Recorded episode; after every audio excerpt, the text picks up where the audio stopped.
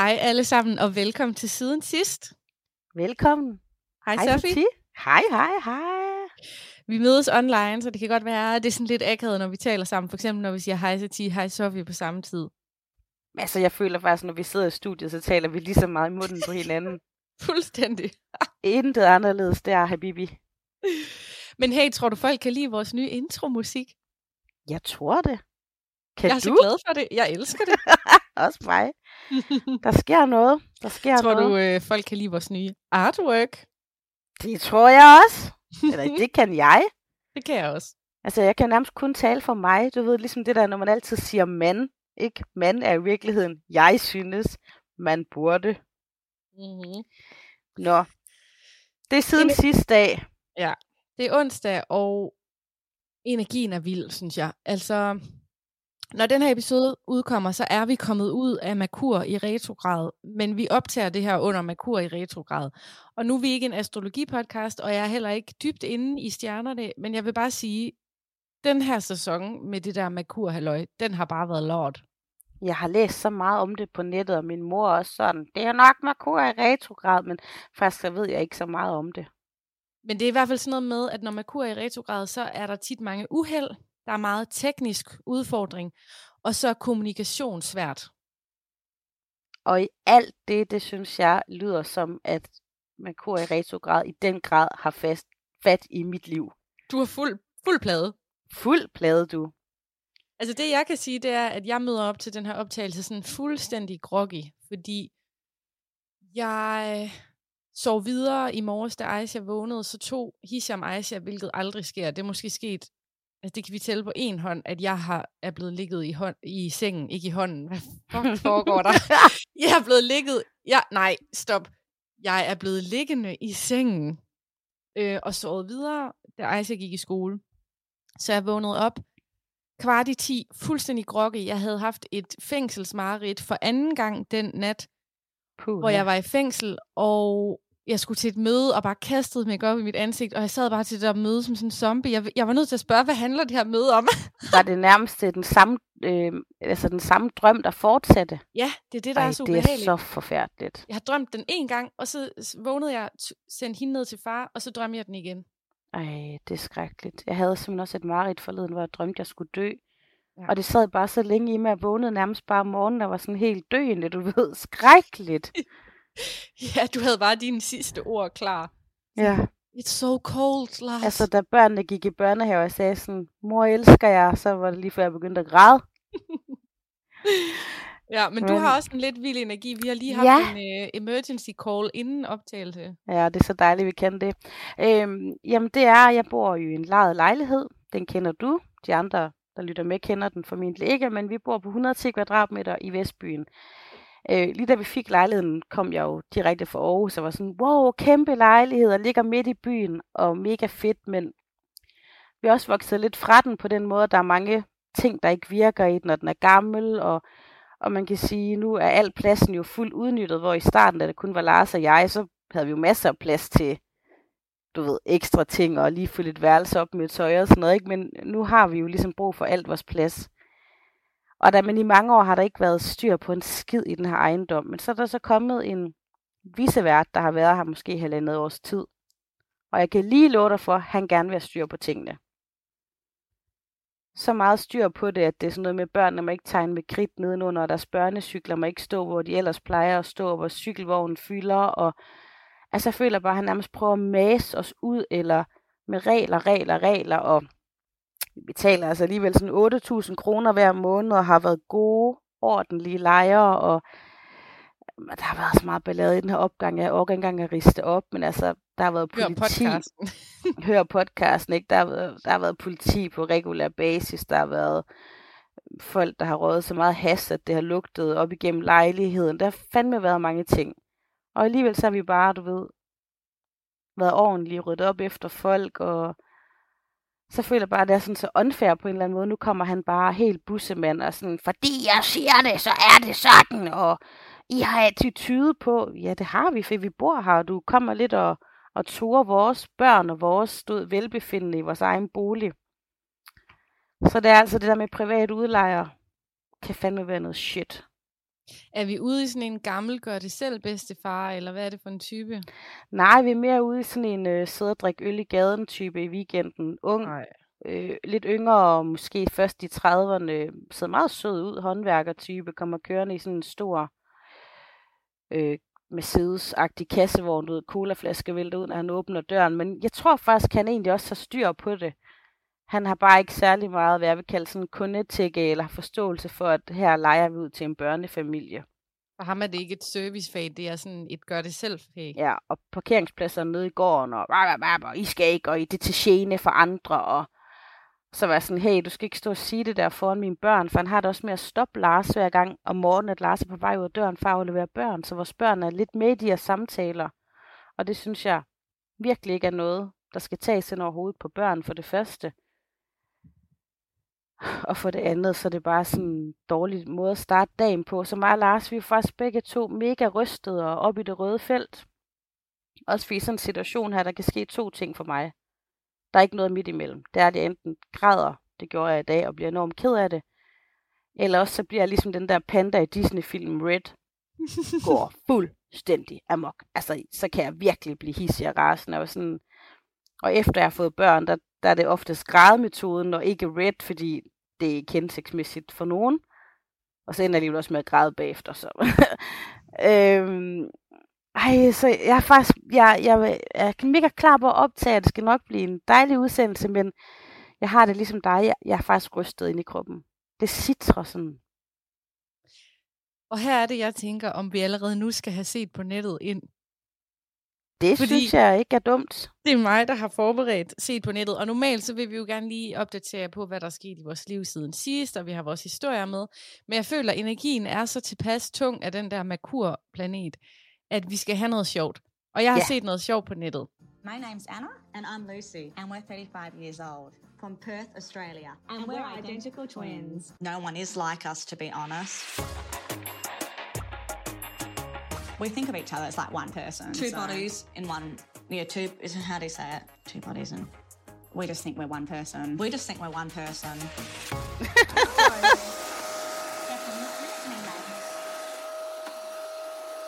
when we're vacuum cleaning, if I do it for five minutes, she needs to do it for five minutes. Whatever she's doing, I'm mimicking the move in the same movement. Mm. So we're doing the same pace. So we know we're identical. we wake up together. We shower together. We go to the toilet at the same time. Can you just hurry up, mate? Hurry. We share everything from a car a phone, a bed, a Facebook account, and we, we share the same boyfriend. what was your reaction when we asked you we wanted to share you? How did you feel? Um, I thought it was a big joke. I thought you were just teasing and. Didn't you think we were serious? No, I, I, I thought you were just te- flirting yeah, or teasing thought, yeah, or having fun. Yeah, a bit we'd, of a flirt. We'd never said that to anyone no. but you. Can you take a photo of us? Yeah, yeah you take. They tell me that they feel like one person. They they want to be treated as one person. I, I will. I, I will treat them as one person. And if other people have a problem with it, that's their problem. I, I don't see it hurting anyone. We've been with Ben for about 10 years now. A lot of people thought it wouldn't last because of our situation, but, we, but you know what? We've proved a lot of people wrong. I reckon the three of us are meant to be together. So. Definitely, we've we've found our soulmate. He's our future. He would do like anything for us. Like, what's holding you back from getting married? Well, it's illegal in our illegal. country. You, you, can't marry two people. So. I think that's the, our biggest hurdle. Yeah, our biggest. Yeah, which is which is totally unfair. Fair, so. So, when you get intimate, how does that work? Um, how do we say? How do we say that? Would you say we're a team or like Ben in his own way will please both, both of us. I mean, if Ben does something to one twin in the mm. bedroom, he has to do to the other, and he just he already knows that. We don't yeah, have to tell him. He already knows Ben, it. what are you doing? However, we don't do anything with each other. We never have. Shit. What did I just watch? Det bedste somi-klip nogensinde. Hold nu K-A-F-T. Jeg har dem jo mistænkt for, at de er mega gode method actor, og de bare har været sådan, prøv at høre, vi er tvillinger, vi er mega lækre, vi laver en Sydney Lee, og bare makser helt ud. Men det... jo længere man kommer ind i videoen, jo mere tænker man, ah, det er usandsynligt, de spiller. Skal vi lige prøve at forklare, hvordan de ser ud, ikke? Jo. Det er de her to, øh, jeg ved ikke, om jeg vil kalde dem smukke, men i hvert fald sexede tvillinger. Øh, de er australier, kan man høre, ikke? Men de har sådan et, et eksotisk look. De ligner faktisk lidt Kardashians eller sådan noget. De har ja. helt mørkt hår og ly- lys hud. Det ligner lidt som hvis du købte en Kardashian på, på Wish. Yeah. Wish-udgaven af Kardashian til kæmpe langt hår, meget sexet, tætsiddende kjoler, store bryster, masser af makeup, øhm, høje sko og kæmpe læber. Altså, prøv, jeg er faktisk lidt rystet lige nu. Ja, min yndlingsscene i hele den video, ikke? Det er der, hvor de skal vise, hvordan de gør, når de støvsuger. det var også fucking sjovt. Det der med sådan, når den ene støvsuger, så skal den anden stå ved siden af og lave de samme bevægelser. Uden en støvsuger, så hun står bare sådan, øh, øh, øh, og det var faktisk allerede der, jeg har jo en dirty mind, så du allerede der begyndte at tænke på sex. Så jeg er faktisk ret glad for, at de talte lidt senere hen i klippet om, hvordan de var intime med hinanden, eller han har, jo, altså, han har jo opnået hver mands drøm. Ja, men altså, han må også blive træt, for så siger han jo, altså alt, hvad han gør mod den ene, skal han gøre mod den anden. Men jeg forestiller mig også, hvis han nu var sådan helt, sorry for, at det blev lidt, lidt eksplicit det her, men du ved, hvis han nu er sådan helt, øhm, du ved, hvad hedder det, når man bare er sådan helt almindelig bolleagtig? Missionær. Missionær. ligger, gør hun så ligesom, når de støvsuger, ligger hun så bare ved siden af og gør bevægelserne. Uh, uh, uh. Fordi det gjorde hun, da den anden støvsugede, og hun støvsugede også, i øvrigt også på en virkelig sexet måde, ikke? Så stod den anden bare og gjorde bevægelserne. Uh, uh. Vi er simpelthen nødt til at lægge det her klip ind i um, vores siden sidst fællesskabsgruppe. 100. Jeg synes, den er så vild, og jeg vil mega gerne. Jeg ved ikke, kan jeg se det program via det login, du har givet mig? Øh, hvad? Jeg ved ikke, om jeg har den her kanal. Var det Discovery eller sådan noget? Det skal jeg lige undersøge. Altså, jeg Programmet faktisk, hedder Extreme Sisters. Puha, det, det, var, det var næsten for meget for mit sind. Det er svært at sluge. Ja, og så den der mand, hvor de sådan går med ham hånd i hånd og, og poser med ham. De gjorde faktisk noget, som en af mine veninder gør. Jeg har en veninde, hun er altid lige med på den sidste endelse af et ord. Det er fucking irriterende. Ja, altså, det var der, hvor de sagde det der med, it's so unfair, yeah, we can't get married. Og så den ene siger hele tiden det sidste. Ja, og sådan har jeg en veninde, der gør, hver gang jeg siger noget. Og det er ikke bare relativt irriterende, det er røv irriterende. Prøv at sige et eller andet. Jamen, øh, jeg sidder og kigger på nogle flotte roser. roser. Så gør min veninde sådan der. What? Så, og så er hun sådan med på det sidste, jeg siger af en sætning. Det er simpelthen så irriterende. Hun er, hun er amatør-hype man. Nå, jamen øh, tak for det klip. Det var, det var sgu specielt. Jo, jeg ligger lidt til bunke. Jeg havde faktisk krise, for der var noget andet, jeg gerne ville have med, men jeg kan ikke finde det. Det er de der screenshots, de bliver væk ligesom strømper i tørdumpleren. Nå, jamen siden sidst, vi har været sammen med jer lyttere, og siden jeg var sammen med dig, der er der egentlig ikke sket sådan vanvittigt meget i mit liv. Lidt radio, lidt bestyrelsesmøder og lidt arbejdsdag i børnehaven. Det var faktisk rigtig hyggeligt.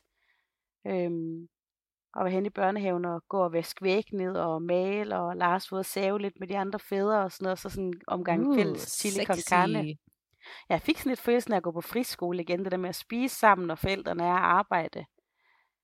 Og jeg havde egentlig ikke, altså vi har ikke været til sådan noget på grund af corona de sidste par år, så jeg tror måske nogen, der har mange børn, eller har været til sådan nogle arrangementer hele tiden, de er måske, det hænger dem ud af numsen, men jeg kunne faktisk mærke, at det var, det var lidt dejligt at være med.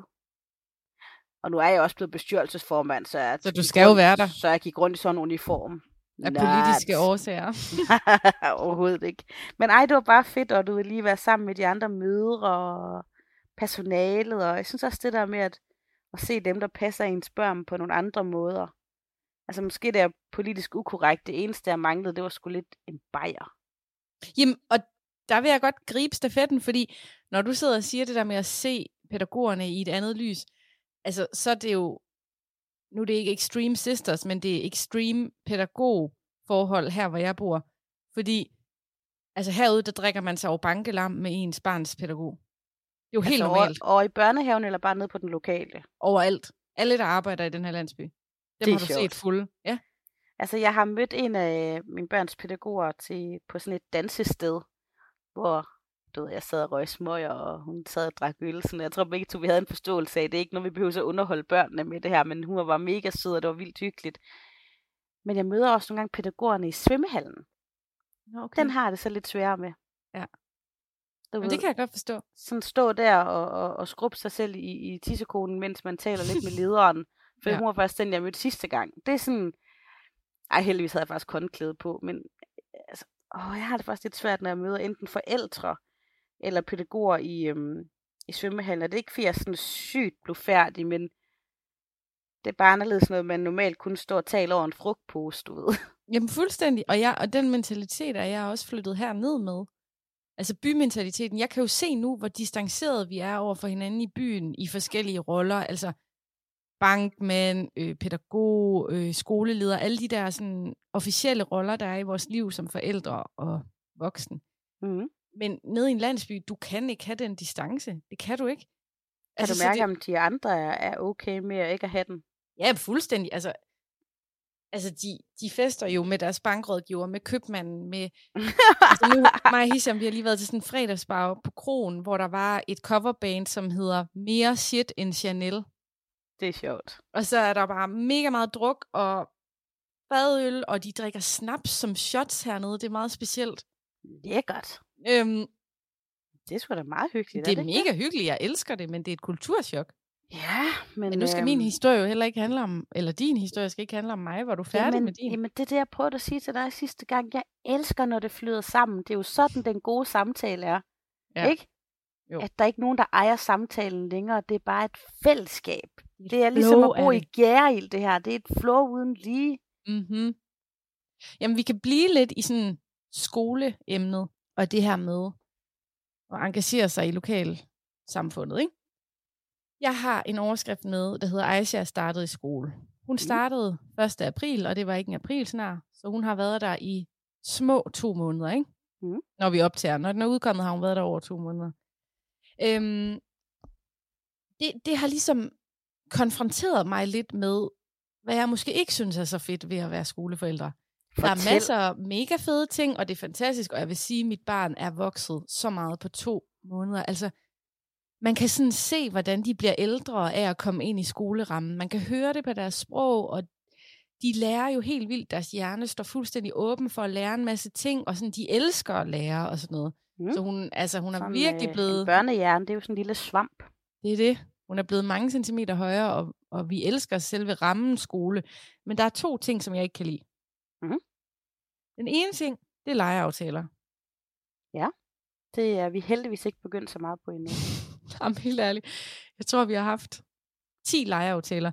Og da vi sad til et informationsmøde, inden de startede, så sagde skolen meget ærligt, sådan, I skal lige forberede jeres nervesystem på legeaftaler. Det sagde de, fordi på skolen, der dyrker de legeaftaler rigtig meget. Okay. Så de opfordrer også til for eksempel en femårig leger med en 10-årig. Og sådan. Altså, der er mange, der leger på tværs. Det er meget hyggeligt, og det, jeg ved, det kender jeg fra friskolen. Det er meget friskoleagtigt. Præcis. Men de sagde vidderligt sådan, I skal lige mentalt forberede jer på det her. Og jeg er så glad for, at de sagde det, fordi jeg har også fået et chok. Hvordan? jamen, nu har vi jo sådan haft cirka 10 forskellige legeaftaler, hvor det selvfølgelig nogle gange har været de samme børn. Men altså sådan hyperaktiviteten imellem børnene, når de har legeaftaler. Om prøv at høre. Også jeg fordi tror, vi der har... tigger om noget hele tiden, så. Ja, de tigger om noget hele tiden, de plager. Men også fordi, vi er jo vant til at have et barn, ikke også? Og vi er jo selvfølgelig sådan lidt luksusforældre, fordi vi kun har fået Aisha sammen. Så vi er jo sådan vant til sådan rimelig roligt hjem, fordi. Ja. der er grænser for, hvor meget hun kan fylde. Men når der så kommer en på hendes egen alder hjem, om de plager, de vil have nogle andre snacks hele tiden. I går var der en, der sagde til mig, efter jeg havde serveret fire forskellige snacks, så sagde hun, kan vi ikke lige gå hen i købmanden, for jeg kan ikke lide de her snacks No. samme barn kom ind på Aishas værelse, og var sådan, hvor er alle dine ting henne? Nej. Jo, og så sagde hun, hvor er dit fjernsyn? Oh my god. Og du ved, og jeg sidder og lytter på det der, og jeg er meget sådan, jeg er på en måde sådan en laissez mor der bare altså, lytter på konflikterne, og jeg interagerer ikke så meget. Jeg tænker Mm. sådan, Aisha er rimelig hårdhudet, hun kan godt selv forsvare sig. Men bare det at høre det, ens barn bliver mødt med. Sådan, øhm, Uh, har, du ikke, har du ikke sæsonkort til Djurs Sommerland? Ja. Altså, det, er- det er faktisk det, jeg frygter mest ved, at, at Topper han skal gå i skole efter sommerferien. Det er den der en ting, er, at han skal hen og lære noget og sidde stille. Det er egentlig fint. Jeg føler bare, at det, man kalder livet på en eller anden måde, det starter nu på godt og på ondt også. Og de der slag, de også skal tage, fordi altså, altså, det er jo first world problems ikke at have et, et sæsonkort til Djurs Sommerland, men hvis man er fem år, som, som Aisha er, og skal stå på mål for det, så er det jo alligevel, at, at livet lige bider en lidt i røven, ikke? Fuldstændig. Det, øhm, det kan jeg godt få helt ondt i maven, når man har haft de der nærmest små våde bag ørerne babyer, og altså, ja, p- ja jeg, for, jeg forstår det godt, men altså det der med børn, der tigger, det er nok også det, jeg er mest bange for, for det er sådan det, jeg oplever ude ved andre og kan se, det er, at altså mine børn tigger faktisk ikke super meget. Men at de larmer og fylder meget, øh, som mor til to børn med to år imellem, welcome to my world. Hold nu kæft, de kan larme. Mm. Men de skal nok lære at tikke, lige så snart de kommer i skole. Åh oh, nej, altså de tigger faktisk lidt, men det er aldrig sådan slik og sådan noget, fordi det må mine børn jo få alt det, de har lyst til af. Ja. Men det er mere, øhm, de tigger ting på iPad'en. Ja, ja. Men det gør de her live-aftaler også, det, og det er faktisk er hårdt. løgn. De, jo, de vil have skærm. De vil have skærm, ved de. Og jeg kan huske i 90'erne, jeg føler, min legeaftale, sådan default setting, det var, finde min kuffert frem med Barbie-dukker, og så sidde med dem i tre timer. jeg, s- jeg føler heller ikke, man sådan tog hjem til folk for at sidde og se video. Altså Måske det var en sådan, VHS. Jeg ved det ikke. det startede først, da jeg sad og så utallige Kelly Family klip med vennerne, men altså, jeg føler også, man legede. Det, det, der var jo ikke noget alternativ egentlig. Mm-mm. Men her der er det sådan, at de der legeaftaler, de spørger om skærm. Og så er jeg sådan, I skal lege i en time eller to, og så tit så slutter legeaftalen med, at de er sådan helt brændte oven i hjernen, og så sidder de og ser Ramachan. Åh, altså, og jeg tænker også det der med, med legeaftaler, det, fordi jeg kan egentlig godt lide børn, jeg kan også lide de fleste børn, men det er måske ikke alle børn, man klikker lige godt med, og så må det være lidt svært, hvis man har nogle børn gentagende gange hjemme i sit hjem, og man, nu siger jeg noget meget upædagogisk, men det er sådan et røvirriterende barn. For Nu de viser, findes. nu viser jeg dig lige noget. En parodi, Hisham laver på en af børnene, og det er så ondt det her. Jamen, vi er jo bare mennesker. Og I kan jo heller ikke se det, jeg gør, men I kan da se Sofis reaktion. Så han har en, han spørger sådan, er det, er det hende her, der skal med hjem? Og det her, det er elevrådsformand fingeren. Den er, og, åh, nej, ej, ej. Og det er, og, der, og jeg er ikke altså, for god til at sige, det kan også være, at der er nogen, der synes, at mine børn bliver røvirriterende, når de kommer hjem. Jeg forventer ikke, at hele verden skal elske Kairosa og Topper. Der er helt sikkert også noget ved dem, som øhm, når de går fra et sted, er der sikkert nogen, der har tænkt, ah, lidt irriterende. Ja, ja. Men øh, altså, bare fordi det er børn, behøver man, man skal være god ved børn og rumme dem. Ja, men det man behøver synes jeg ikke også, det elske gør. dem alle sammen. Ja, selvfølgelig gør du det. Selvom de er irriterende. Og jeg kan også mærke, at, at det her rum, eller sådan det her hus, det er nok meget anderledes, end hvad mange andre har herude, måske på landet. Altså for eksempel har vi jo børn herhjemme, som får noget mad her, de aldrig nogensinde har set før. Mm. Altså dadler, mandler. Vi har haft en, der ikke vidste, hvad et kyllingelår var. Seriøst? Mm, hun, hun begyndte at spise det fra knoglen. What? Altså, så, så der er nogen herude, der også får en på opleveren, tror jeg. Du ved, der er buddhaer, der er klangskole, der er yogagynger, der er, jamen det ved jeg ikke, tørrede bananchips. Jeg ved det ikke, men Jamen altså, øhm, sådan var det, når folk kom hjem til mig i gamle dage, der allerede ude på døren stod s- i kort og hånd. Alle mine venner var sådan, hvad betyder det der spåkone i kort og hånd? For det stod på vores dør. Men altså, det er jo det, der er så smukt, ved man også kan, kan lære noget af hinanden, og børn kan lære. Men kender du egentlig også noget, der faktisk er ret irriterende? Det er, hvis man oplever sit eget barn være irriterende over for andre ja. det synes jeg faktisk er, det kan jeg næsten have sværere med, end jeg kan have det svært med andres børn og nogle røvbananer, fordi som udgangspunkt, så kan jeg jo bare allerbedst lide min egen. Det er ligesom prutter, ikke? Altså, ens egne børn er bare de bedste. Men så nogle gange ser mine børn i en legesituation, hvor jeg opdager, at det er mine børn, der er lidt nogle dickheads, den synes jeg er svær. Også fordi jeg kan ikke sådan finde ud af at moderere mit skæld ud så. Nå, men, Jeg og, det, og problemet er, at det bliver jo ligesom, det, der, det bliver ligesom den der gladiatorring, hvor forældrene de sidder ude som publikum, og så børnene, det er de der gladiatorer. Og så Ja. sidder man sådan og prøver sådan at halvråbe sådan til dem, hvordan de skal være, men kun for at imponere de andre publikummer, som er forældre. Fuldstændig, ikke? Og jeg har også nogle gange... Jamen, der er så mange øh, lag i det her, ikke? Fordi jeg kan også nogle gange se, hvis mit barn leger med et andet barn, der er irriterende, og så bliver mit barn jo ligesom også lidt irriterende, så har jeg nærmest lyst til at være sådan lidt, yeah, you go girl, giv hende en røvfuld. Den går jo ikke, vel? Men så bliver jeg også nogle gange sådan, jeg har bare lyst til at lære mit barn, hey, lad være med at være så irriterende, du er faktisk super irriterende lige nu, Topper. Og det, altså, jeg skal ikke skælde ham for meget ud foran andre børn, fordi så, Nej, fordi det er endnu et aspekt, fordi så bliver de totalt udskammet foran deres seje ja, det skal de heller ikke. Så er det den der om aftenen, prøv at høre her, øh, der tidligere i dag, da du legede med Sofia Prinsesse Stjernestøv, der synes jeg altså, du var lidt over grænsen. Ja. Men Åh. der bliver taget nogle dybe suk herhjemme.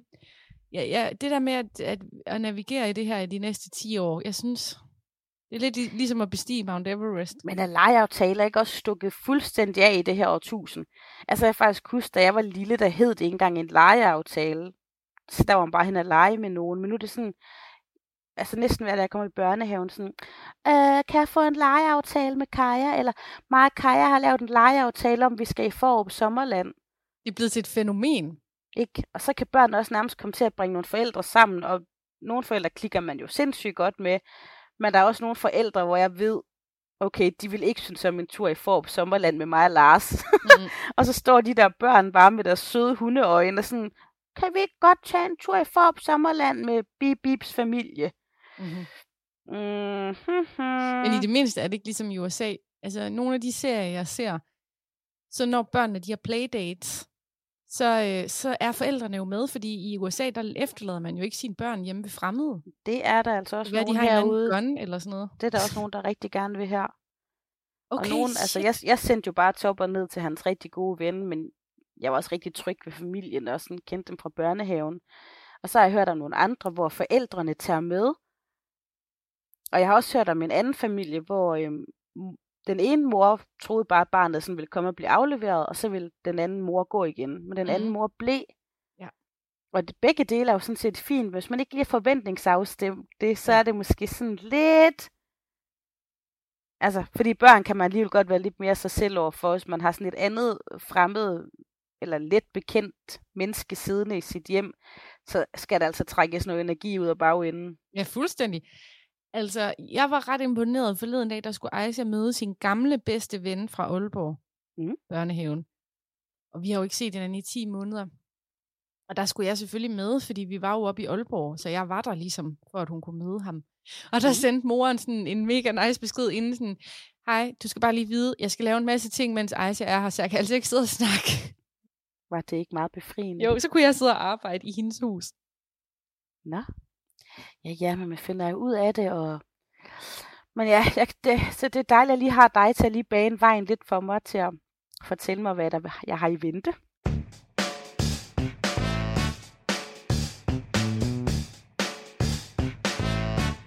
En anden ting ud over legeaftaler, man skal passe, det er, der er sindssygt mange børnefødselsdage hele tiden. Og de der børnefødselsdagsinvitationer, de hænger på garderoben, så det er sådan in your face, når du møder om morgenen, så er der en invitation igen, som du skal pille af og tage med hjem. Ikke? Og indtil videre har vi vist været til fire på to måneder. Hun skal til en igen på fredag. Og det er fint nok, det er jo mega hyggeligt, og det er en sjov måde at være sammen på. Jeg synes faktisk, de er gode til at holde dem, fordi de varer kun to-tre timer. Mm. Så hvis det for eksempel er fredag, nej, hvis det for eksempel er søndag, så er det kun få timer af weekenden. Men det, der bare ligesom kommer med en invitation, det er den her danske irriterende kultur med, at man skal svare på det. Man skal Ah, svare ja. senest ugen, som om du skal FU. til Prince Harrys bryllup eller et eller andet. Ej, seriøst, nu slapper I af. Og det er sådan, de, de går amok. De sætter, okay, så en klassisk procedure er, de sætter en invitation op i garderoben, som alle ikke kan undgå at se det, lige ind i dit øjenfelt, ikke? Så man får ikke sådan små søde fødselsdagskort længere til Jo, jo, de hænger på garderoben. Nå, på den måde. Og når de så gør det på dagen, så skriver de rigtig ivrige forældre ud på dagen i forældreappen. Hej, vi har sendt invitationer op. Og sådan lidt, ja, det er der ingen, der ikke har set. Ej. Og så, og så skriver de, Hov. på invitationen, hvornår man senest skal sige det. En eller anden dato. Og jeg skynder mig bare sådan at skrive på den dag, jeg har fået invitationen. Vi skal nok komme. Og hvis man så ikke har fået det gjort, så sådan en uge inden, så skriver de, hej, nu er det altså senest ugen for det her. Nej, nej. Jo, det gør de, og de gør det igen og igen. Og jeg har det sådan, hvor svært kan det her være? Du laver en kagemand til 20 børn. Du laver 20 slikposer, og så ser ja. Ja. du, hvem der dukker op. Og de går helt amok med, Altså, senest ugen, kan- senest ugen. Man kan nærmest godt forstå, oh. hvis det er et Åh. bryllup, hvor du lige kører sådan en kuvertpris på mellem 700 og 1000 kroner. Slap af, der er nok pizzasnegle nok alligevel. Ej, jeg, jeg kan slet ikke forstå det her. Hvordan kan man lave sådan tre forskellige touchdowns omkring en børnefødselsdag? Ej, nej, nej, nej, nej, nej. Jeg kunne skulle til at sige, at man måske ikke har så meget at gå op i, men det kan jo bare være, at man går meget op i det. Ja, man går meget op i fødselsdagen, men jeg, Altså, jeg vil sige, at fødselsdage er også noget andet i dag. Jeg ved godt, en gang var der måske lige rigeligt øh, e-numre og, og, og sukker. Men det er simpelthen blevet altså, alt, alt for omstændigt. Altså, og det er alt fra, at du nærmest kan købe, hvad der minder det der kalder mini-bryllupsplanlægning, du køber i tierbutikken eller Søsterne Grene eller endnu værre på nettet, og alt skal matche i farverne. Det ved jeg ikke, om det gør ud i GRL, men de der, altså det er så planlagt, hvor at faktisk vores kære ven Nico, som er flyttet til Australien, grækeren, han sagde til mig, fødselsdag i Danmark, det er alt for voldsomt. I mit land, der mødes vi, spiser noget godt mad, har det hyggeligt, og det er fordi, vi faktisk selv var sådan helt åh, omkring Toppers fødselsdag, ikke? Hvor han sagde, relax, it's fun, it's kids, it's a party. Hvor sådan, ja, yeah. altså og han sagde det der med bordkort nærmest, og du ved, Batman-tema, man kører fuldstændig ud, og forældre ligger nærmest og kører til grænsen for at få den rigtige Spider-Man-serviet. Prøv her, vi kunne have det lige så sjovt med en gang køkkenrulle. Altså, fordi der skal nok komme de der store fester i livet, man, kan, man skal komme til at holde, og hvor man kan, kan planlægge helt øh, til mindste detalje, men vi har jo glemt, hvad det handler om. Nogle børn, der skal mødes, have det sjovt. Altså, vi burde nærmest lave sådan en Africa-style, og så bare have et kæmpe fad mad, de bare kunne digge ind. altså halvdelen af dem begynder at græde alligevel til fødselsdagen. Ja. Men det, men det er også fordi, Nikos citat er så rigtigt, fordi hvordan kan det være, at danskere ikke er komfortable med ikke at vide, hvor mange der kommer? Hvad er problemet ved ikke at vide, hvor mange der kommer? Jeg forstår det ikke, hvis du bare laver til det antal, som er blevet inviteret, og hvis der så er en eller to, der ikke kom, fordi jeg glemt at sige det, ja. Eller der er nogen, der ikke har tilmeldt sig og kommer alligevel. Altså, hvad er der galt med det? Det er jo ikke, fordi den Capri Sonne, den rødner i skabet. Nej. Øh, men det er rigtigt, men jeg tror også bare, at vi har simpelthen, vi må så godt have lidt mere sådan sydeuropæisk-agtigt, du ved, lave en masse mad, håbe på, hvem der kommer, øh, og så have en god dag. For det er nemlig også noget med, uh, nej Signe, du kan nærmest ikke komme med, fordi vi har ikke tilmeldt dig. Ja, præcis. Jeg kan også høre det på børnene. De sådan, der var en morgen sådan, hey Ursula, øh, Linda, hun kan faktisk ikke komme til den fødselsdag, fordi hun skal faktisk op til sin mormor og morfar. Det er sådan, børnene, de begynder jo at gå fuldstændig op i det, og, og sådan blive helt OCD-regel-agtige med de der tilmeldingslister. Ja, jeg, jeg, jeg føler dig fuldstændig. Det er for Jeg er spændt meget. på, om det er det samme i Aalborg, fordi jeg kan godt mærke, det, det hernede, det der er prestige i, det er faktisk flot tøj. Altså, øh, tøj har aldrig været et emne for os i Aalborg. Men det der med, hvad, hvad børn har på, det er noget store børneværelser fyldt med ting og skærme og kæmpe legesager, som ja. Ja. Aisha så overhovedet ikke har. Hun har så lidt, at folk spørger, hvor hendes ting er, når de går ind på hendes værelse.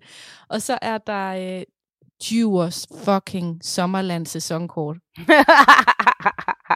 Seriøst. jeg, altså, jeg møder det også her i Aalborg med, øh, du ved, til årskort til Forop Sommerland. Vi har det ikke, fordi vi har jo heller ikke nogen bil, så det er sådan noget, skal vi tage med øh, alle mulige offentlige transport og dit og dat, men altså, det jeg også oplever Aalborg forældre bedst kan lide, det er bare at tage Forop Sommerland hele tiden. Man er nærmest ikke en rigtig nordjyde, hvis ikke man har sådan et sæsonkort. Nej, og da jeg siger, her forleden, der var vi ude med vores børn, og nabodatteren Saga var også med, og Alberte og hendes mor, og så gik vi ned ved fjordbyen, og vi sad og fik et glas vin ned ved vandet, og vi havde noget guf og noget juice med til ungerne, og gik bare og kiggede og kastede sten i vandet, og kastede med tang, og det kan godt være, det lyder sådan lidt langhåret det her, men jeg føler faktisk, at vi fik mere ud af dagen, end en dag i Djurs Sommerland. Vi var måske også mere investeret i børnene faktisk, fordi vi var nødt til at, at være på dem eller ikke nødt til, det var dejligt at være. Men der er altså så mange smukke, hyggelige ting ude omkring, der nødvendigvis ikke er store øh, motordrevede maskiner i et sommerland.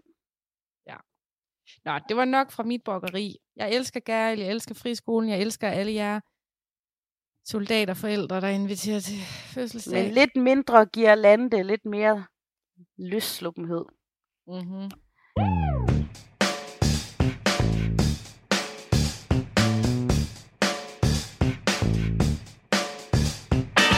Nå, Sati, jeg har en hemmelighed.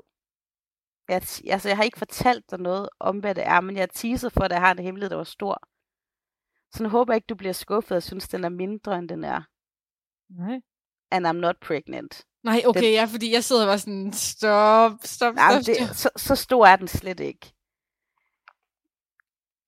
Og nu må I ikke blive forskrækket af jer, der sidder herude, fordi alle ved jo, at jeg er gift med Larsemand, og er meget glad for ham. Men jeg begyndte at skrive med en anden mand. Nej. Jo. En kendis. Hvad? En kendis. Nej. En kinesisk mand, der bor i New York. What? Hvad? Og jeg kan godt mærke, at jeg får det lidt varmt, når jeg skal fortælle det her. Jeg begyndte at skrive med en mand over Instagram. Hver dag. nej, nej, nej, nej, nej, nej, nej, nej. Hvad? øh, en mand, som hed Louis, eller han bliver kaldt for Louis. Han hedder nemlig også... Øhm, jamen altså, hvad hedder han egentlig? Han hedder også lige så... Jeg har ikke hørt fra ham i dag, fordi de er jo lidt bagefter i New York, så han er ikke stået op endnu nok. Øh, Yilin Wang. Yilin Wang. Øh, og det starter egentlig bare med, at øh, han skriver en besked sådan, hi friend, og så nu kommer der jo vildt mange af beskeder derud, sådan noget, fordi det er altid noget med noget penge, eller noget sex, eller et eller andet, ikke? Ja. Men så havde han, og det han skrev det på, det var, at han havde kommenteret på et billede, jeg havde af en hotdog. Og jeg elsker nemlig hotdog, så havde jeg billeder af hotdogs på min Instagram. Og så skrev han, at han kunne huske, at han havde smagt sådan en før, man kunne ikke helt huske, hvordan den smagte. Og du ved, det er ligesom, når du skal have fat i mig og, og, og poster billeder af mad, eller kartofler, eller kød, så ved du, så er der altid hul igennem til mig. Mm-hmm. Sådan er der det, også Ja, nogle- det er jo, når jeg ikke har snakket med dig i ugevis, så ligger jeg noget lækkert mad på Instagram, så er du der. Ja, eller sender en tekstbesked med det, så ved du, så svarer jeg bare. Ja. Jeg er bare sådan en fed dyr. Øh, øh, øh. Man kan, ikke? Og han kommenterer på hotdoggen, og så er der ligesom hul igennem til mig. Og så skrev jeg sådan, jamen, det var sådan dansk øh, spiseagtigt. Og så blev han ved med at skrive lidt mere og lidt mere, og så øhm, gik jeg så ind og kiggede hans profil. Og jeg vil gerne sige, alle tegn på, at det her det er en scam, de er der. Okay. Øhm, han, altså ikke fordi han er kineser, men, men tit så er der mange af de der asiatiske profiler, som jo sådan noget fake noget, ikke? Og hvis man skal købe fake følgere, så er det jo også asiater og sådan noget, ikke? Øh, og profilen er ikke særlig gammel. Og, øhm, og der er sådan mange rigemandsagtige ting inde på den. Du ved, der er noget Ferrari og noget dyr vin og noget... Og Kan du ikke lige tagge mig, så jeg kan se det? Mm, jeg ved ikke, om jeg kan sende det til dig. Når du tør måske ikke tagge mig, fordi jeg må Nej, ikke se fordi- din secret lover. Jo, men det er, fordi vi er ved at blive venner nu jo. Mig og ham. Mm. Vi venter nu. Mm. Og jeg vil så sige, jeg har også fortalt Larsemann om ham, for i starten var sådan, det er altså virkelig underligt, det han skriver hele tiden lige nu.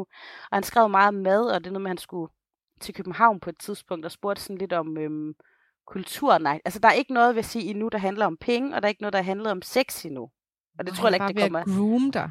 Jamen, det er også det, jeg tænker, man er ved at blive groomet, men det er jeg godt klar over, hvis... Men, men så, han- så er han meget sådan, om, hvad for nogle madretter er der? Og så, og så har jeg bare taget mig selv i at skrive tilbage om det her sådan mad og sådan noget, og boligmarkedet i Danmark, og han, han, er så oprindelig, han er så oprindelig fra Taiwan, og bor i New Mhm. York, hvis det passer det her. Ja. Men det han skriver, det er indtil videre meget venligt, og, sådan, øhm, og så sender han hele tiden sådan nogle små billeder. Nu har han det at spille golf, og nu er han ved at lave noget lækker mad, og det ligner sådan nogle billeder, du man lige tager med telefonen. Nå. Og jeg har også prøvet at lave sådan en omvendt Google-søgning, hvor jeg endnu ikke har fundet noget. Hvad At- mener at du med det- omvendt Google? Du ved, hvis nogen for eksempel sender et billede og skriver sådan, this is my boat, så kan jeg gå ud i Google og søge på det billede, og så viser Google mig, om det billede ligger andre steder. Okay, ved du hvad? Mm. Målet, det er at få hans stemme i potten. og jeg har fortalt jer podcast, og jeg har endnu ikke sådan, men nu er jeg bare faktisk kommet til, at det er lidt ligesom at have en penneven for Wendy-bladet. Altså i starten, der svarede kun, du ved, sådan, yes, no, yes, uh, strawberries, yes, we have a lot of them in Denmark-agtigt. Men nu har jeg altså taget mig selv i. Altså, jeg vil sige, slå fast med syv tommer søm. Der er ikke noget seksuelt i det. Der er ikke noget øh, sådan, uh, det er lidt spændende, han skriver overhovedet ikke. Jeg har rigeligt i min larsemand. Men han virker jo også lidt venlig, du ved, ikke? Og han spørger om sådan nogle, øh, du ved, hvordan kan jeg forklare det? Det er faktisk nogle gange meget hyggeligt at skal se sit land, eller betragte nogle ting om sit land, og skal forklare det til nogle andre på en måde. Altså, du burde altså, få penge af det der Tourist Danmark. Ja, ja, det er sådan noget Visit Danmark-fis, jeg har gang i, ikke? Men jeg, jeg synes faktisk, det er meget hyggeligt. Og om billederne inde på hans profil er rigtige, om han snyder, det ved jeg faktisk ikke helt, Sati. Det kan være, det er en eller anden kvinde fra Rumænien i virkeligheden. Men han er meget sådan, nu er han også sådan, good morning, how's your day in Denmark? Og så sådan, good morning. Og altså, jeg har sagt det højt, og jeg har sagt det til Lars, så jeg føler at jeg går grænsen. Og igen, det kilder ikke i 10 sekunder, når der tigger en besked ind fra ham. Men, Men hvis jeg han det... sender sin Asian Cube Combo, så tager du screenshot. men, men jeg har da lidt, når jeg sådan lige ligger, hvis, vi, hvis jeg ligger inde i sengen og har puttet børnene, og skriver med ham, så kan jeg godt lige tænke sådan, er det her over grænsen? Ja, ja, ja. En internet. Hvad synes du? Ven. Jeg synes, det er hyggeligt. Og jeg sidder og tænker på, at jeg vil bare høre hans stemme. Eller, altså hvis du ikke kan få ham til at tage en selfie eller en video af sig selv, så tror jeg, det er det der, hvad kalder de, en catfish, eller? Ja, ja, for, nå, det skal jeg også sige. Øhm, det skrev jeg faktisk også til ham. Så skrev jeg sådan, det er helt vildt hyggeligt, og du virker meget venligt, men jeg kan ikke øh, lade være med at spekulere over, hvorfor er din profil så ny? Øh, og så skrev jeg faktisk til ham, at jeg har set meget Catfish på MTV. det er sådan en show, ikke? Og så skrev han, det forstod han godt, jeg spurgte om, og det var fordi den gamle, et eller andet med password, han kunne ikke komme ind på, når det irriterede ham faktisk også, men han kunne godt forstå, at, at jeg blev lidt mistænksom, men det var altså ham. Du må altså lige holde os opdateret på det der. Og det vil altså også sige, det er lidt på grund af siden sidst, jeg også, altså indrømmet, det er faktisk ret hyggeligt, og han er, virker meget flink. Men jeg havde også tænkt, det kunne blive en god ting her i vores podcast, og lige se, hvordan mig og Louis venskab øh, udfolder sig, ikke? Mm. Ja. Så. Det glæder jeg mig til at høre mere om. Jeg skal mm. ind og stalke ham her om lidt. Jamen, jeg kan... har du fundet ham? Nej, har du tagget mig? Ja, jeg har sendt et, et billede af ham til dig. Altså hvorhenne på Insta? Ja. Og jeg har også tænkt, at han måske i virkeligheden bare er en lille ensom sjæl, der stadigvæk sidder nede i Taiwan og mangler en ven. Du har ikke sendt noget? Har jeg ikke det? Det kan være, at han er... Øh, Fuck, hvis jeg sendte det ghost. til ham. Det ville være så meget typisk mig. Åh oh, nej. Nå, ja, okay. Det har jeg sgu nok. Vi følger op i næste uge. Ja. Indtil da, så har jeg en lille quiz til dig. Ja. Jeg arbejder jo faktisk for din organisation, som er den her lokal sammenslutning, eller sammenslutning for lokale medier i Danmark, ikke? Jo, radio og tv-medier. Ja, ikke kommercielle, så det er lokale medier uden reklamer. Mm. Og jeg har været i Lykstør for første gang i mit liv. Jeg har aldrig nogensinde været i Lykstør før. Nej. Og der var jeg på Midtfjords Radio, som er en lokal radio med 35 frivillige. Det er faktisk en stor lokal radio. Det er faktisk en god tilslutning. Ja, 35, og de er mega organiserede. De har sådan en sendeplan, og de, har sådan, de sender hver tiende uge i forskellige konstellationer, så alle sender på kryds og tværs. Altså, de har virkelig styr på det organisatoriske. Mm. Øhm, de er alle sammen hvidhårede eller gråhårede. Lad mig sige ja. det sådan. Eller skaldede. Så de er gamle. Så det er en, en nisseradio. Det er nisseradio, og der er handicapscooter, og der er rullestol, og der er det hele. Elsker det. Og de var fantastiske at undervise. Jeg skulle undervise dem i sociale medier, primært Facebook, fordi det er det, de bruger mest. Og ved du hvad, jeg har været så stolt, jeg har sendt det til dig, fordi efter de har været til undervisning, så er de faktisk begyndt at gøre det, jeg har sagt. Og jeg kan se, fedt. Jeg kan se, at de får mere interaktion, fordi der er rigtig mange gamle mennesker, de tror, at Facebook det er en opslagstavle. Der var faktisk en, der sagde, hvad var det nu, han sagde? Han sagde, jamen Facebook det er jo bare en reklamesøjle. Og der var det, at jeg kom med pointen om, at Facebook det er faktisk et socialt medie, som man skal bruge som organisation skal man bruge sin Facebook, ligesom man vil gøre med sin egen private profil med sine venner. Klart. Altså, at det handler om interaktioner, og man svarer på det, der kommer ind, og man spørger sine følgere om noget, og så videre. Så jeg fik sådan flyttet dem lidt over i det der interaktion, frem for reklamesøjle.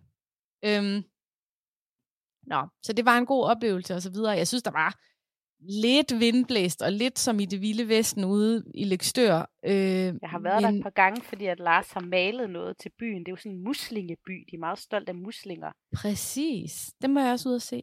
De har flot natur, men der var sådan lidt, du ved, øde. Ja. Du, du. Ja, den oplevelse fik jeg lidt. Og du ved, solcentre, pizzeria og alt det der. Men min quiz, den går ud på, under den her undervisning på to timer, der var cirka 12 mennesker med, alle sammen grå i toppen. Blandede mm. mænd og kvinder. Og nu siger jeg endordet, fordi det er nødt til. Men hvor mange nære-jokes kom der? Hvor mange homo-jokes kom der? Og hvor mange araber-jokes opstod ud i det blå under undervisningen fra deltagerne? Får jeg valgmuligheder? Du skal bare gætte, hvor mange gange kom de med en nære-joke, hvor mange gange kom de med en homo-joke, og hvor mange gange en araber? Jeg har lyst til at sige forhåbentlig ingen, men det er ikke noget, du bare finder på inde i din egen hjerne, så der må være nogen, men okay. Så siger jeg to homo-jokes. Tre. Okay, så var der måske en nær-joke Yes. og fire araber-joke. En araber-joke. Så man kan sige, homo var der flest af. Ja, uh, Og så. En nære-joke og en araber-joke. Og jeg sad lige over for dem, der lavede araber-joken, og jeg elsker at spille trumfen. Sagde du det så til dem? Ja, ja. Så siger jeg bare, nu skal I høre, venner. Jeg gider ikke høre flere araber-jokes, fordi jeg er faktisk gift med en. Ej, Isam er jo ikke 100% araber, men han, han taler arabisk. Han er lidt brun, ikke? Ja. Hvad Og hvad hedder de så? Jamen, øh, øh, øh, øh. altså ved du, hvad jeg mener? Altså, og det jeg bare vil frem til, det er, undskyld mig, hvide, gamle danskere i provinsen, de hygger sig med det her.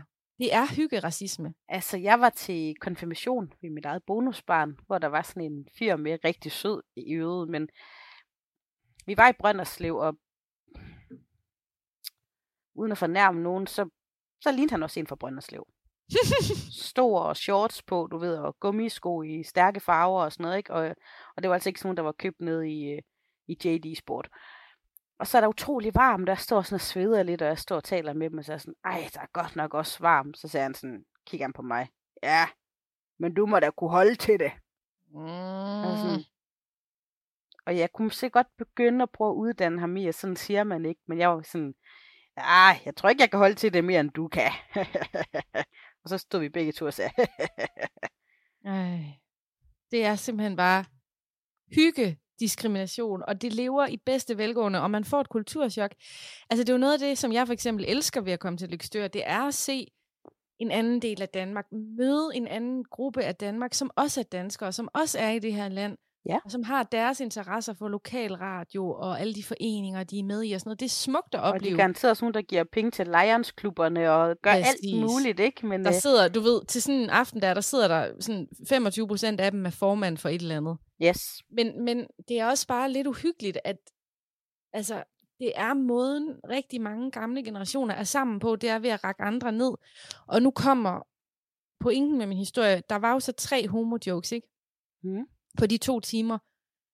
Eller det er nok vidigheder i deres øh, hoved. Men jeg finder så ud af til sidst, efter jeg har undervist, at et af, et af de par, der sidder i lokalet, det er faktisk et homoseksuelt par. Mænd, wow. som i øvrigt er dem, kan du huske den der legendariske slagter, der har ligget i øh, Aalborg på, på Østerbro, der mm. over for Rema? Ja, kan jeg sagtens. Det er jo et, et par, altså et mandligt par, der har Mhm. haft den. Ja. Som det var dem, altså, eller hvad? Ja, og de laver så også lokalradio. Så det vil sige, jeg har siddet og lyttet mig igennem både araber og nære-jokes og homo-jokes, men jeg, der var så hverken nogen araber eller mørke mennesker i lokalet, men der var så et par, som er de nyeste tilkommende i den forening, og de fik så lige tre homo-jokes med på vejen. Øhm, fandt du først ud af efterfølgende, at de var Ja, homoseksuelle? Det var så efter, jeg fandt ud af det. Kunne du se, om de grinte med, da det blev sagt? Nej, det kan jeg jo så ikke huske, vel? Nej. Men øh, det er sgu sådan lidt... Altså, nogle gange så er jeg nærmest kommet til, at vi kan nærmest ikke bekæmpe det. Vi må bare vente på, at det dør ud med dem der. Det er rigtigt. Fordi altså, de Det nye generationer, skræmmende. de kommer jo ikke til det. Jeg har jo siddet til rigtig mange familie sammenkomster, sammenkomster med for eksempel, dengang var min lillebror 19, og så min bedsteforældre sidst i 70'erne, ikke? Og hvis de har brugt N-ordet, så har altså de yngste generationer i min familie jo råbt op og været sådan, hvad laver Ja. I? Jeg gør det også, hvis jeg er i trygge rammer. Men du ved det der med, når jeg møder en dame på gaden, og hun egentlig er i venlighed, eller kommer hen og siger sådan, hvor taler du godt dansk? Ja. Jeg magter ikke at sige noget, fordi jeg ved godt, det kommer ikke fra et ondt sted, det kommer bare fra et uvidende sted. Og jeg tænker bare, jeg lader det bare dø med hende. Ja, det er det. Bare visualisere kist, kistelåget, der bliver sat Ja. på. Det er Elly, tag det med dig i graven, det der, og så må den nye generation være os, der, der råder bod på, at, at sådan skal fremtiden ikke være.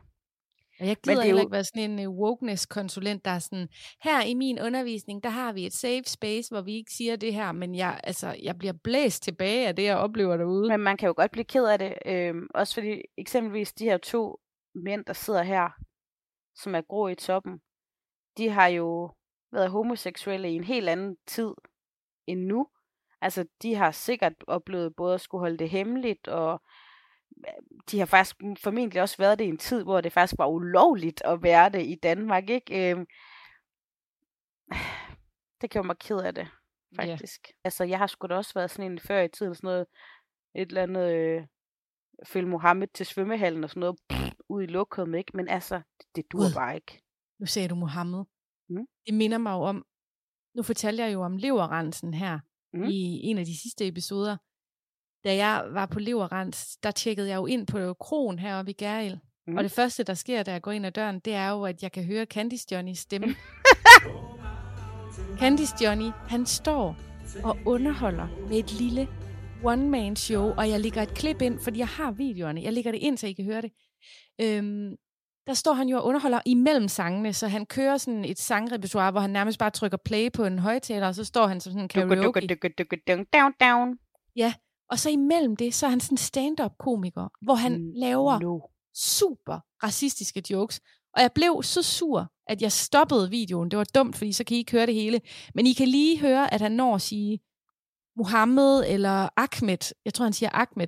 Og så starter han sådan en joke med noget med en, der hedder Ahmed, der arbejder op på hans lokale autoværksted. Og så bla bla bla, og joken er mega lang, sådan en rigtig nordjysk fortælling. Og så slutter den selvfølgelig med, at Ahmed han er omskåret. Badum, tsch. Hjemme ved vejen, hvor jeg bor, der har vi fået en øh, nabo, hedder Ahmed. Det, altså, på en måde er jeg ikke overrasket, og så alligevel, så troede jeg egentlig ikke, at Candice Johnny, han var sådan. Jeg har Jo. måske forbildet mig ind, han var lidt sødere, efter jeg så den der Candice for livet. Han er da også sød, men det er jo igen, det er måden, man hygger sig sammen på. Ja. Hyggeracisme, det er en ting i Danmark, og hele, jeg spurgte jo så i receptionen, det var ældresagen, der havde lavet sådan et, øh, det var et event for folk, der var ensomme. Så hvis man var ensom, kunne man møde op og så se Candice Journey, og så høre ham fortælle nederen jokes om andre måske ensomme mennesker. det så giver jo ingen man, mening. Nej, det gør det ikke, og jeg tænker også noget som ældre sagen. Jeg ved godt, det stadigvæk er, er Else og, og, og Ketty og Finn og hvad fanden de ellers skulle hedde, Arne, der sikkert er en del af det. Men på et eller andet tidspunkt, så bliver ældre sagen jo også nogen, der har en anden farve, fordi at, at folk, der er kommet fra andre lande, begynder også at blive ældre her i Danmark, ikke? Tænk sig, hvor mangfoldigt det kunne være, når, når alle kunne være med i ældre sagen. Ja. Ja. Så skal vi bare have Umar Masuk ud. Ja, så skal Uma Masuk ud og underholde, men de, de døde af grin. Jeg lover dig. Ej, jeg er irriteret over, at jeg ikke blev ved med at filme, men jeg blev så, jeg blev så sur. De grinte amok over den der punchline, som var, så er han jo omskåret. Nej, nej, nej, nej, nej, nej. Ja. Jamen, uh, way to go, Candice Johnny. Vi ses på landevejene. Vi skal ud og være konferencier på de arrangementer. Ja, det kunne være skæbbeskyndt.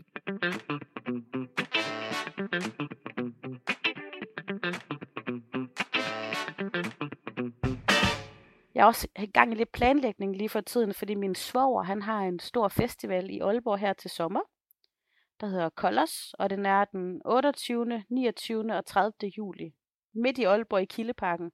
Og der kommer alle mulige udlandske kunstnere, danske kunstnere, det er alt sådan noget Wafande, LOC, øhm, jamen jeg kan ikke engang huske. Jamilian. Jamilian, ham er helt forelsket. Han kommer også. Jamen, der kommer alle mulige danske seje artister og udlandske. Og øhm, altså, nu bliver det lidt reklame, billetterne er faktisk ret billige, men udover det, så kommer vi faktisk her i vores pot til at udlove to billetter til festivalen. Det er fantastisk. Så, men jeg skal bare lige øh, finde på en god konkurrence, så I må lige give mig lidt tid til at finde ud af de nærmere omstændigheder, men man skal holde øje med siden sidst, fordi der kommer altså to billetter. Og så skynd jer ind og følg vores Instagram-profil, for der ja. annoncerer vi det. Og Facebook-siden. Og Facebook-siden, og så følg med ind på Colors Festival. Og jeg kan også være, at jeg kan smide en 10 øl i puljen eller et eller andet, men øh, altså, det bliver en fed præmie. Man kan i hvert fald møde dig til festivalen. Ja, det, og det er jo sådan set det, der er vigtigst, du. Det er jo det. Det er jo det, man vinder.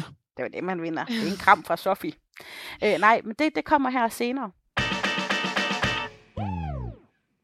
God det har været en super Johnny. hyggelig optager, Sofie, og vi lyttes jo ved på onsdag. Altså på et tidspunkt, så tager vi en sommerferiepause, men øh, vi er tilbage igen på onsdag. Og jeg vil virkelig opfordre til, at hvis I kan lide den her podcast, så kan I hjælpe os med at vækste ved for eksempel at lægge en anmeldelse. Det er ved at være noget tid siden, at øh, vi har fået en anmeldelse ind, måske fem stjerner og et par ord. Det øh, takker og Du får fem store stjerner af mig, Habibti. Øhm, det gør det. Og jeg vil også sige, det er dig, der holder øje med statistikkerne, og jeg ved, hvor vild i varmen du bliver. Jeg vil næsten våge at påstå, at det kilder helt om i bagenden på dig, mm-hmm. når du kan se øh, nogle gode tal på vores pot. Ja, det går jo godt. Vi ligger sådan på top 100 i Danmark, og jeg kan se, at vi er begyndt at... Man kan søge os frem, hvis man sådan orienterer sig ind i podcast-appen, og det podcastland, det er sådan et sted, hvor det er ikke ligesom Google, det er ikke nemt at søge, så det er faktisk ikke nemt at finde nye podcast. Nej. Men vi er ved at være med. Efter tre jeg anbefaler altid til dem, som er sådan helt, øh, slet ikke er har styr på alle de her on-demand-tjenester og streaming-tjenester og sådan noget, så siger jeg til dem faktisk, kan de gå i Google, skrive siden sidst podcast, og så kan de faktisk komme direkte ind, for der er stadig nogen, der, i hvert fald sådan de ældre, jeg kender, der er sådan, åh, oh, men jeg har ikke abonnement, og jeg har ikke betalt, sådan, du kan høre den kvitt og frit, du skal bare søge den frem, og det er ikke engang svært, sådan, hvor, hvorfor pokker? Og så, så binge-lytter de lige den hele fantastisk. Tak fordi I er derude. Det er så dejligt. We love you. It means so much to me. Hej hej.